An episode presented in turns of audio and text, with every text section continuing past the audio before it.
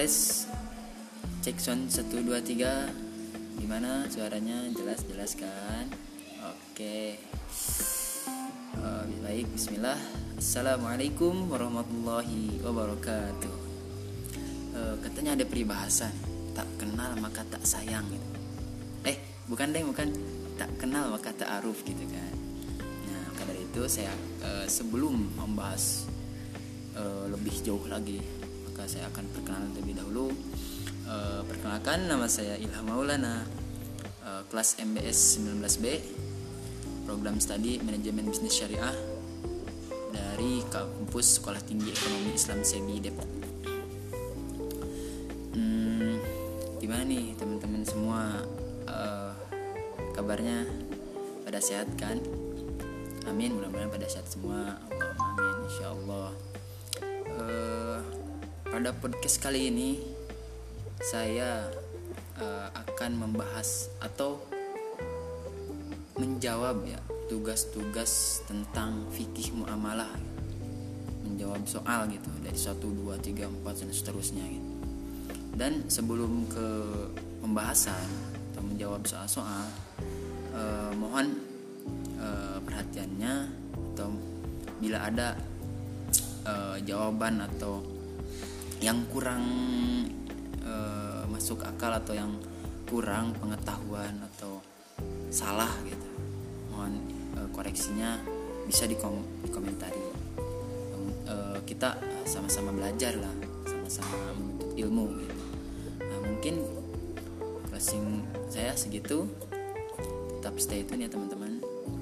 Uh, oke. Okay. sekian. Assalamualaikum warahmatullahi wabarakatuh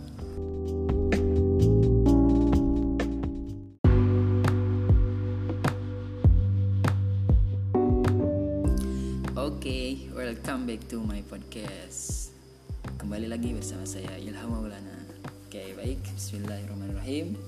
Assalamualaikum warahmatullahi wabarakatuh. Uh, saya uh, akan menjelaskan tentang fikih muamalah dan akan membahas uh, atau menjawab tugas yang dikasih oleh dosen. Uh, langsung saja kita menjawab uh, soal nomor pertama apa itu soal itu perbedaan antara apa gitu perbedaan antara tasawuf janji dan akad. Oke. Pertama itu tasawuf tasawuf menurut Mustafa Al-Zarqa itu segala sesuatu perbuatan yang bersumber dari kehendak seseorang dan syarak menetapkan atasnya sejumlah akibat hukum atau hak dan kewajiban. Adapun janji itu wa'ad ya promise antara satu pihak dengan pihak yang lain. Wa'ad itu janji itu hanya mengikat satu pihak saja gitu, yakni pihak yang memberi janji berkewajiban untuk melaksanakan kewajibannya. Uh,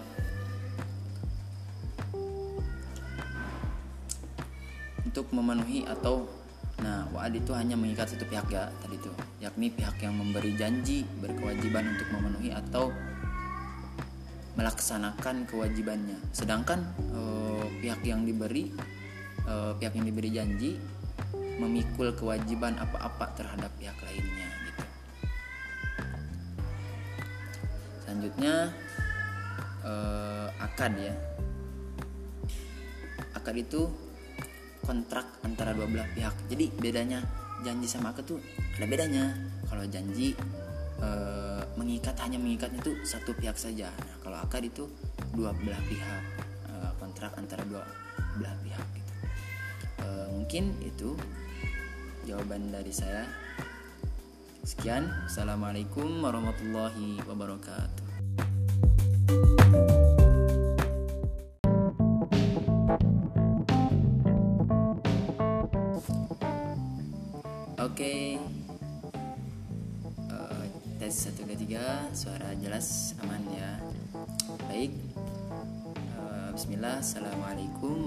warahmatullahi wabarakatuh. Uh, Selanjutnya itu tetap masih membahas tentang fikih muamalah. Dan saya akan menjawab soal nomor 2 soalnya itu penjelasan tasaruf dan pembagiannya. Nah ini lebih kan yang tadi perbedaannya. Nah sekarang penjelasannya tuh tasaruf itu ada pembagiannya juga. Saja tasaruf itu segala sesuatu perbuatan yang bersumber dari kehendak seseorang dan syarat menetapkan atasnya sejumlah akibat hukum atau hak kewajiban. Nah menurut Mustafa Al-Zarqa tasaruf memiliki dua bagian. Nah yang pertama itu tasaruf fi'li itu tasaruf perbuatan ya. Tasaruf fi'li itu usaha yang dilakukan manusia dari tenaga dan badannya. E, contohnya tuh seperti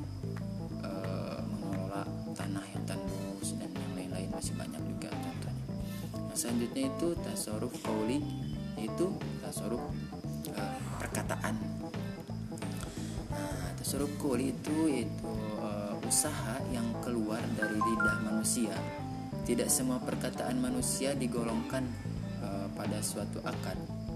Nah, ada juga perkataan yang bukan akad, tetapi merupakan suatu perbuatan hukum-hukum. Nah, itu tasaruf tasaruf kauli. Mungkin itu sekian, assalamualaikum warahmatullahi wabarakatuh.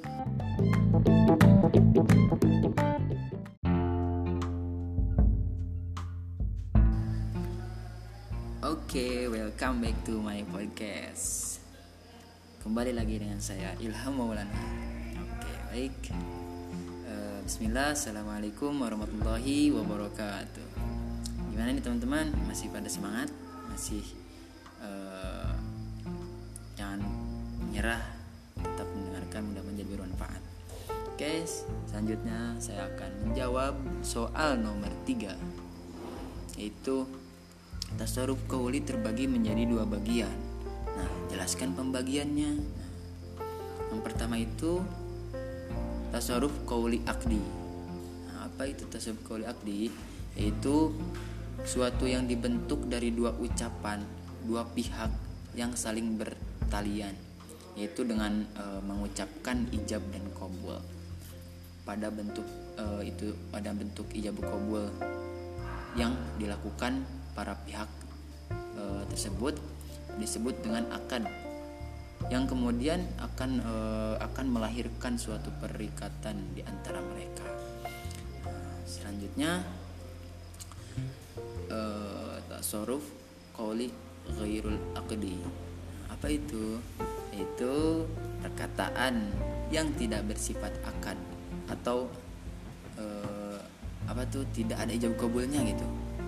Beda. Tadi tasarruf koli akdi itu ada ijab kabulnya. Nah yang ini bersifat akad atau tidak ada ijab kabulnya. Yang ini. Perkataan ini uh, ada yang berupa pernyataan dan ada yang berupa perwujudan. Ya bedanya itu itu kalau akdi atau ada berupa pernyataan dan perwujudan itu mungkin itu jawaban dari saya. Sekian assalamualaikum warahmatullahi wabarakatuh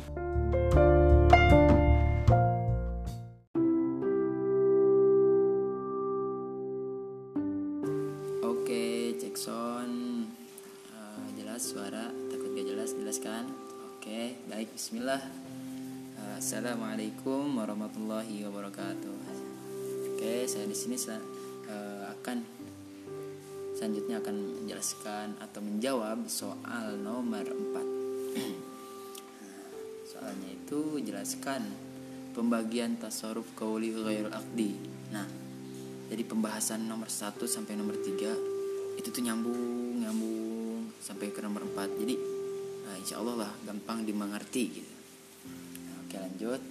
Nah, tasaruf kauli ghairul akdi itu merupakan perkataan yang bersifat akad atau tidak ijab tidak ada ijab kobul gitu yang tadi perkataan uh, ini itu ada yang berupa pernyataan dan ada yang berupa perwujudan.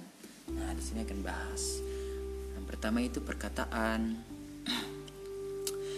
Nah, perkataan yang berupa pernyataan yaitu pengadaan suatu hak atau mencabut suatu hak e, mencabut ijab kuil saja gitu. Eh, enggak mencabut ijabnya saja.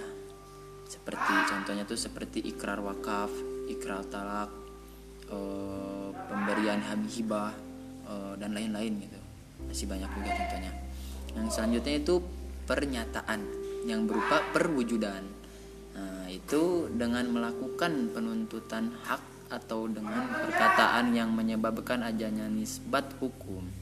Seperti contohnya itu gugatan pengakuan di depan hakim. Sumpah. Nah tindakan ini tuh yang tidak bersifat mengikat sehingga tidak dapat dikatakan akad. Tetapi termasuk perbuatan hukum. Nah mungkin itu ya e, secara singkatnya gitu. Oke sekian. Assalamualaikum warahmatullahi wabarakatuh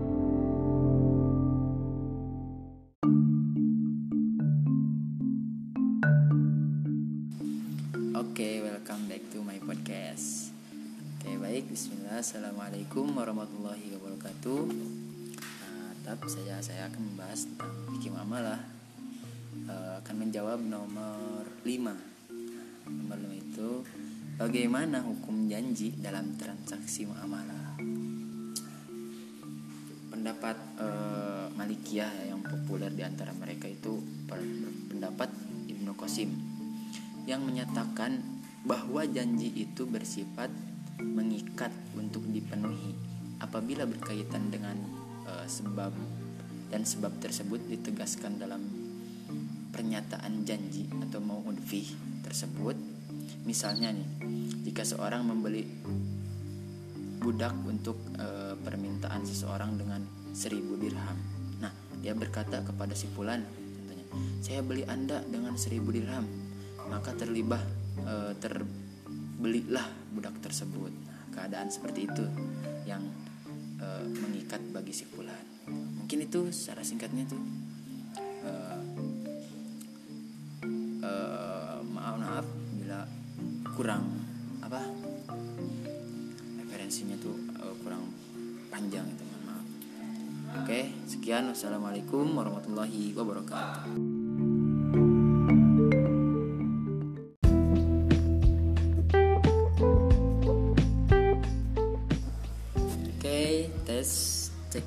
satu dua tiga. Jackson dulu ya. Oke baik. Bismillah. Assalamualaikum warahmatullahi wabarakatuh.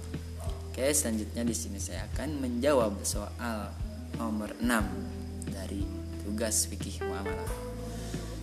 E, Bagaimana tinjauan perdata terkait hukum yang e, dan akad kontrak dalam transaksi? Katanya. Nah, ditinjau dari sifat e, akan dibedakan menjadi akad al-rod'i dan asyakli nah, pengertian akad al-rod'i yaitu akad uh, al-rod'i itu akad non formal ya.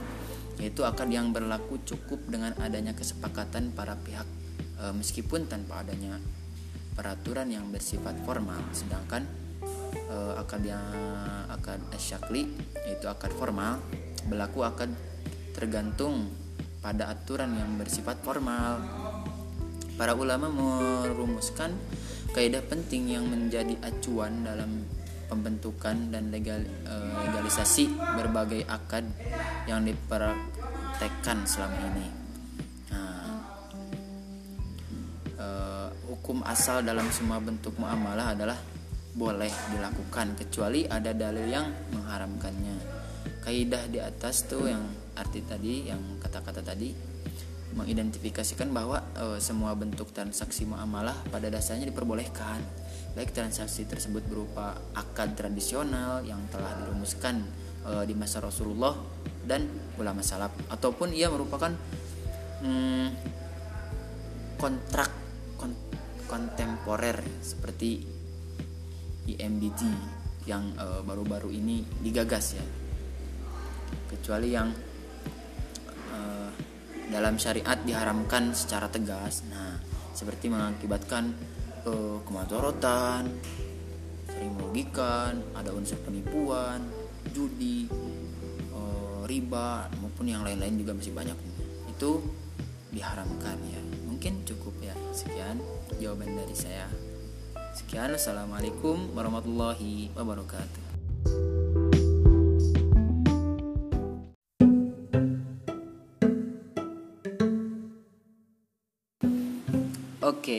Welcome back to my podcast.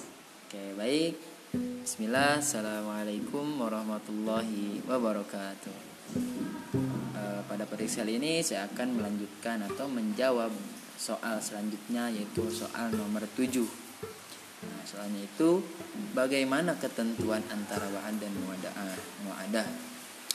Nah, pertama itu wa'ad harus dinyatakan secara tertulis dalam akte atau kontrak perjanjian.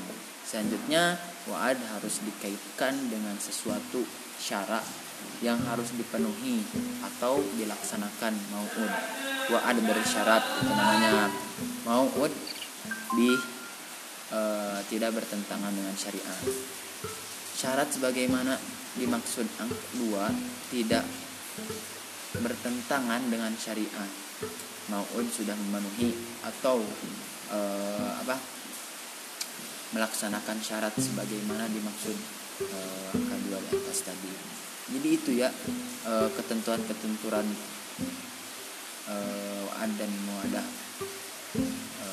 Mudah-mudahan dapat dimengerti meskipun jawaban itu singkat, padat dan jelas. Mungkin cukup. Assalamualaikum warahmatullahi wabarakatuh.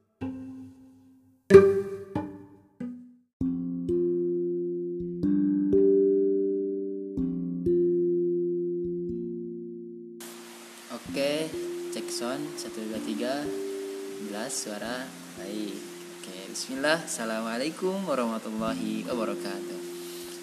Oke, saya di sini saya akan menjawab uh, tugas soal yang selanjutnya yaitu nomor 8. Bagaimana hukum transaksi? Uh, prinsipnya itu dilarang bertransaksi atau prinsipnya itu boleh bertransaksi. Nah, dalam e, ibadah kaidah hukum yang berlaku yaitu bahwa semua hal dilarang kecuali adanya ketentuan berdasarkan Al-Quran dan hadis. Nah, sedangkan dalam urusan muamalah semua diperbolehkan kecuali ada dalil yang melarangnya. Ketika suatu transaksi baru ketika suatu transaksi baru ada ya dan belum dikenal sebelumnya dalam hukum Islam, maka transaksi tersebut e, dianggap dapat diterima kecuali terdapat implikasi dari dalil Al-Qur'an dan Al-Hadis yang melarangnya baik secara eksplisit maupun implisit. Nah, dengan demikian dalam bidang muamalah semua transaksi dibolehkan kecuali yang diharamkan. Adapun faktor-faktor penyebab terlarangnya transaksi karena haram zatnya dan haram selain zatnya. Pertama itu prinsip dilarang transaksi. Yaitu pertama, setiap akad yang tidak pernah dijelaskan dalam nas dan ijma maka tidak boleh dilakukan. Selanjutnya, setiap akad yang belum pernah dijelaskan hukum dan batasan-batasannya oleh syarak itu tidak dibolehkan. Selanjutnya itu pendapat Zahriyah di antaranya itu Ibnu Hazm. Selanjutnya prinsipnya tuh eh, apa boleh transaksi Pertama, setiap akad yang dianggap sah menurut salah satu sumber hukum itu boleh dilakukan. Pendapat Hanafiyah, Syafi'iyah, Imam Ahmad, dan Imam Malik. Setiap akad boleh dilakukan ya selama tidak ada larangan dalam syarat. Pendapat Hanabilah, Ibnu Qayyim dan Ibnu Taimiyah. Mungkin segitu uh, singkatnya mudah-mudahan mengerti. Sekian, assalamualaikum warahmatullahi wabarakatuh.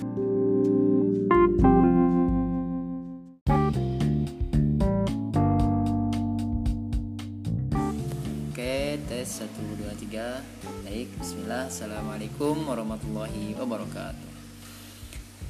Selanjutnya saya disinakan uh, menjawab soal nomor 9 uh, soalnya itu contoh penerapan janji dalam bisnis dalam keuangan menurut fatwa. Menurut fatwa DSN MUI tentang murabahah tentunya tuh. Jual beli dengan dasar adanya informasi dari pihak penjual terkait dengan harga pokok pembelian dan tingkat keuntungan yang diinginkan. Janji yang berkaitan dengan jual beli atau merubah jual beli merubah antara lain itu dapat dilihat dalam fatwa DSN MUI ya nomor sekian uh, 4 DS. Dalam akad merubah yang diimplementasikan di lembaga keuangan syariah terdapat janji untuk membeli barang dari penjual. Uh, karena uh, tahapan utama akad merubah yang terjadi di LKS yaitu janji nasabah untuk membeli transaksi jual beli antara nasabah dengan LKS atas barang sesuai pesanan janji dari nasabah untuk membeli. Nah, itu sih secara simpelnya. E, mudah-mudahan ya mengerti lah teman-teman semua. Oke, mungkin cukup sekian. Assalamualaikum warahmatullahi wabarakatuh.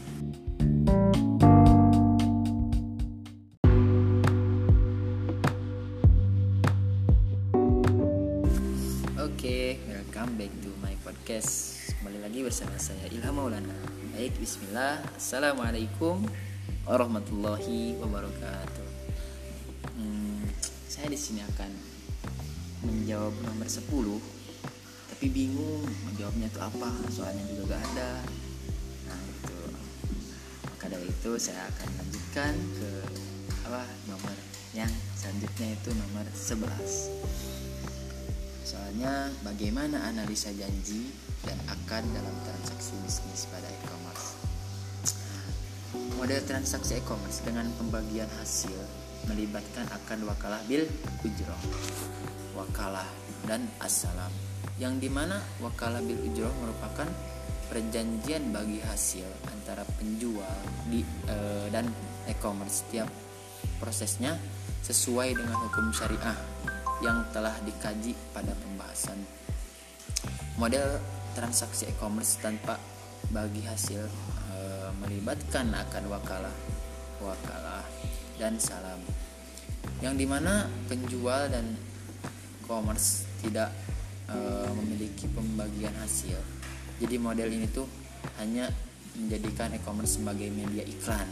Nah, yang setiap prosesnya itu sesuai dengan hukum syariah yang telah dikaji model transaksi uh, eh, COD nih cash on delivery menggunakan akad salam yang di mana akad salam ini disertai dengan khiar nah khiar itu apa? Gitu kan.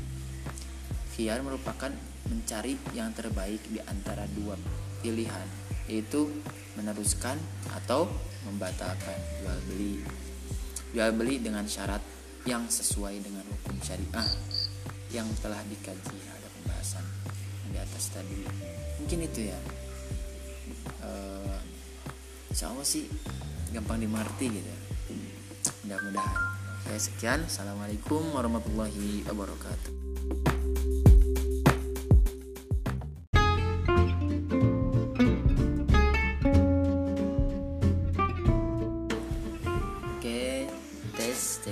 Jackson 123 hmm, Oke baik.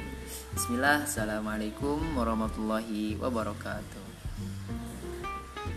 Oke masih membahas tentang fikih malah Dan saya di sini akan menjawab soal selanjutnya Yaitu soal nomor 12 hmm, Bagaimana membeli pulsa dengan mobil banking? Di mana ijab kubulnya tuh? Dan tinjauan akadnya. Nah, pihak-pihak yang berakad dalam jual beli online sudah jelas. Nah, itu ada yang bertindak sebagai penjual dan ada yang bertindak sebagai pembeli. Sigo dalam penjualan online biasanya tuh berupa syarat dan kondisi yang disetujui oleh konsumen. Syarat dan kondisi yang dipahami dapat disetujui sebagai sebuah sigo yang harus dipahami baik oleh produsen maupun oleh konsumen.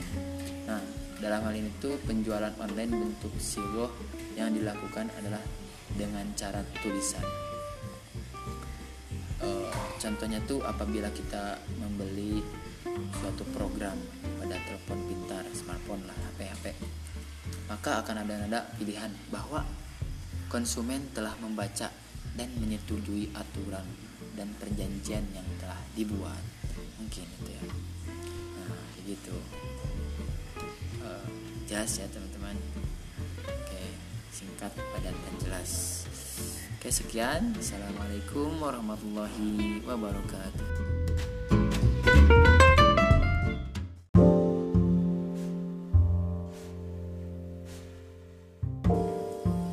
Tes cek sound 1 2 3 Oke baik. Bismillah. Assalamualaikum warahmatullahi wabarakatuh Gimana nih teman-teman sebelum ke uh, menjawab soal uh, Apakah pada masih semangat gitu kan?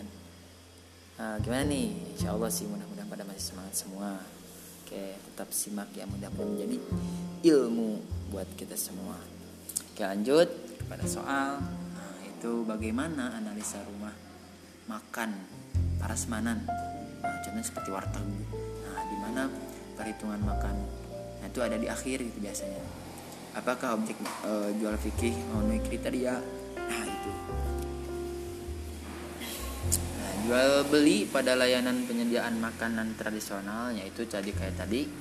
Contohnya itu seperti warteg. E, tidak rumah tidak memberikan penjelasan terkait harga objek jual beli. Namun e, tidak lantas yang mengakibatkan jual beli tersebut menjadi batal. Nah, karena model jual beli e, tadi tuh sudah menjadi kebiasaan masyarakat. Off lah. Kayak yang sulit itu udah dihindari. Soalnya kan kebiasaan tuh sulit banget dihindari apalagi di masyarakat. Sulit banget dihindari dan dihilangkan itu sesuatu yang sudah menjadi adat kebiasaan masyarakat. Menjadi boleh asalkan tidak melanggar ketentuan syarat. Adat kebiasaan dapat dijadikan hukum sehingga masih e, berada pada koridor dibolehkan syariat. Jual beli dapat dilakukan dengan memberikan e, kemudahan kepada pihak pembeli dan pihak penjual agar terlaksana sebagai kesepakatan. Seperti adanya iktikad Nah, pertanyaan etikon baik ya yang dilakukan kedua belah pihak agar tidak ada pihak yang dirugikan dengan tidak mengandung unsur kayak menjebak gitu, bohongi dan perbuatan buruk lainnya gitu masih banyak. Jangan itu. Kalau gitu caranya. Oke, mungkin secara singkatnya seperti itu. Sekian, assalamualaikum warahmatullahi wabarakatuh.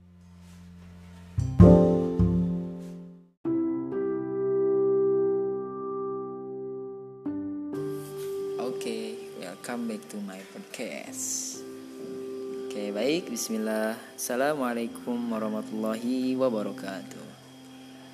Uh, Gimana nih teman-teman? Harus tetap semangat. Mudah-mudahan Dapat dimengerti oleh semuanya ya. Oleh teman-teman semua. Oke langsung saja Saya di sini akan menjawab soal nomor 14 nah, Bagaimana tinjauan hukum ketika kita membeli uh, semen di toko milik pengusaha beragama Katolik. Ay, apaan beragama Konghucu gitu kan. Intinya beragama selain uh, agama Islam gitu, beda agama. Uh, boleh. Karena tidak ada yang melarang melakukan jual beli kepada orang non muslim asalkan tidak mendatangkan kemadaratan pada penjual ataupun pembeli. Ketetapan hukum pokok membolehkan orang muslim membeli apa yang e, dibutuhkannya dari yang dihalalkan oleh Allah baik dari orang muslim maupun dari orang non muslim gitu. Nabi Muhammad SAW pernah membeli dari orang Yahudi. Tapi tapi jika keengganan seorang muslim untuk membeli dari orang muslim lainnya tanpa sebab baik itu dalam bentuk eh, apa kecurangan mahalnya harga buruknya barang cacat gitu. Yang lebih suka membeli dari eh, kafir serta lebih mengutamakannya atas orang muslim tanpa alasan yang benar. Maka yang demikian itu jelas haram. Jadi intinya daripada membeli orang muslim tapi itu ada kecurangan. Ini jangan gitu. Mending uh, gak apa-apa ke orang muslim juga tapi dia jujur atau bener-bener gitu dan halal yang dijualnya mungkin gitu secara simpelnya sekian assalamualaikum warahmatullahi wabarakatuh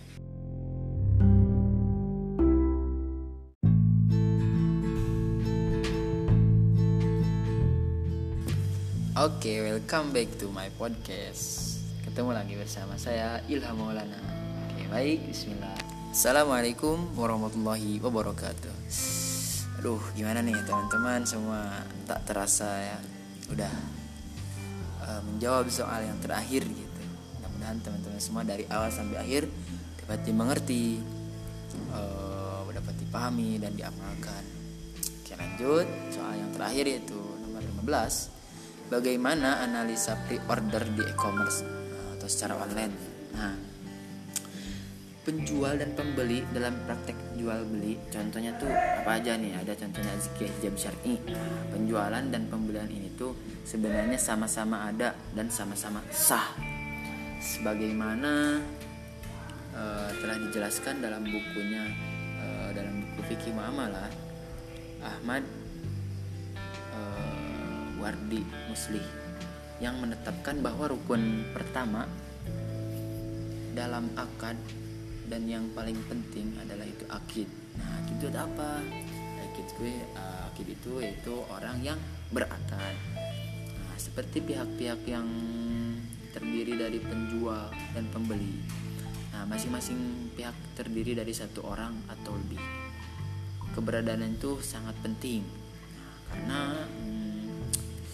tidak akan pernah terjadi ya akan uh, manakala tidak ada akid gitu ya gak akan lah gak pasti mau gimana gitu itu sih cara singkatnya hmm, mungkin sekian ya uh, jawaban secara singkat uh, dan mudah-mudahan dapat dipahami dimengerti dan diamalkan uh, dari awal sampai akhir mudah-mudahan bermanfaat bagi kita semua khususnya bagi saya umumnya bagi para pendengar podcast Ilham Maulana.